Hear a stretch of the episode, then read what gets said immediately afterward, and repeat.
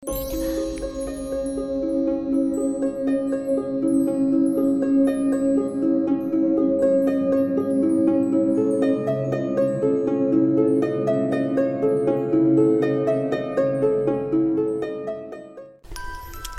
malam dan selamat datang. Saya Denny, narator dari Rumah Horor Indonesia dan Cerita Tengah Malam.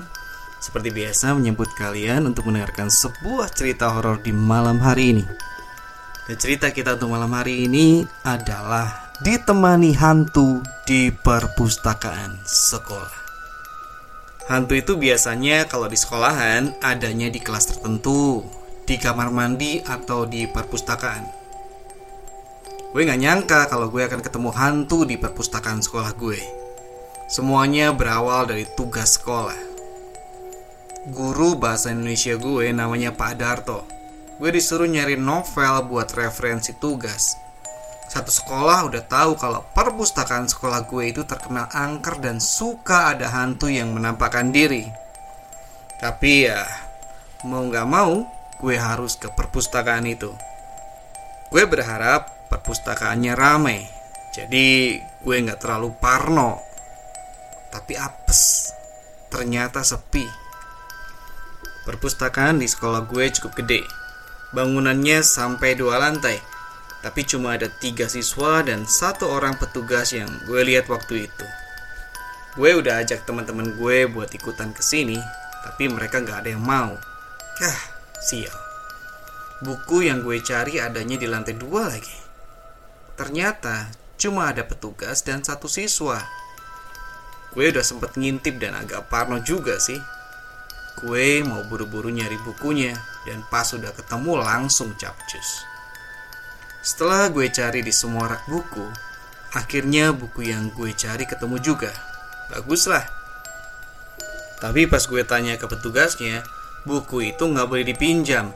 Gue harus baca di tempat. Gue mulai bete. Gue jadinya kan lama di situ. Akhirnya gue duduk di ruang baca, tapi gue gelisah. Sambil baca, gue sesekali nengok kiri, nengok kanan. Ya, takutnya ada pocong atau kuntilanak yang muncul dari situ. Untunglah nggak ada. Pas gue lagi baca, ada seorang siswi yang nyamperin.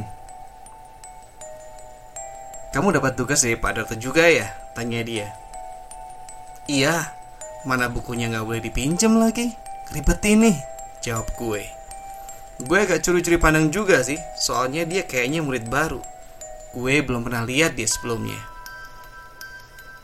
Ya udah, gak apa-apa. Terus kamu kenapa kayak takut di sini? Tanya dia. Spontan lamunan gue buyar. Eh, anu, soalnya sepi banget. Kalau tahu-tahu muncul hantu gimana? Jawab gue sedikit terbata. Ya udah, aku temenin aja ya, kata cewek itu. Gue bilang oke okay, dan senang juga sih karena ada temen. Ceweknya lumayan kece lagi. Eh, tahu-tahu pulpen gue jatuh. Gue spontan langsung ambil. Uh, dia duduknya di depan gue.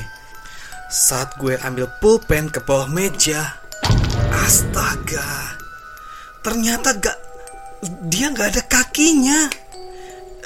Ini, ini, ini orang ada atasnya tapi nggak ada kakinya. Gue langsung merinding dan pas gue naik, anak itu cuma senyum, tapi matanya melotot, nyeremin banget. Gue langsung lari, gak peduli sama buku dan tugas. Buat waktu yang lama, gue gak mau ke perpustakaan. Kapok. Oke teman-teman, itu cerita horor kita untuk malam hari ini. Terima kasih sudah mendengarkan sampai akhir. Sampai ketemu di cerita horor berikutnya. Selamat malam, selamat beristirahat.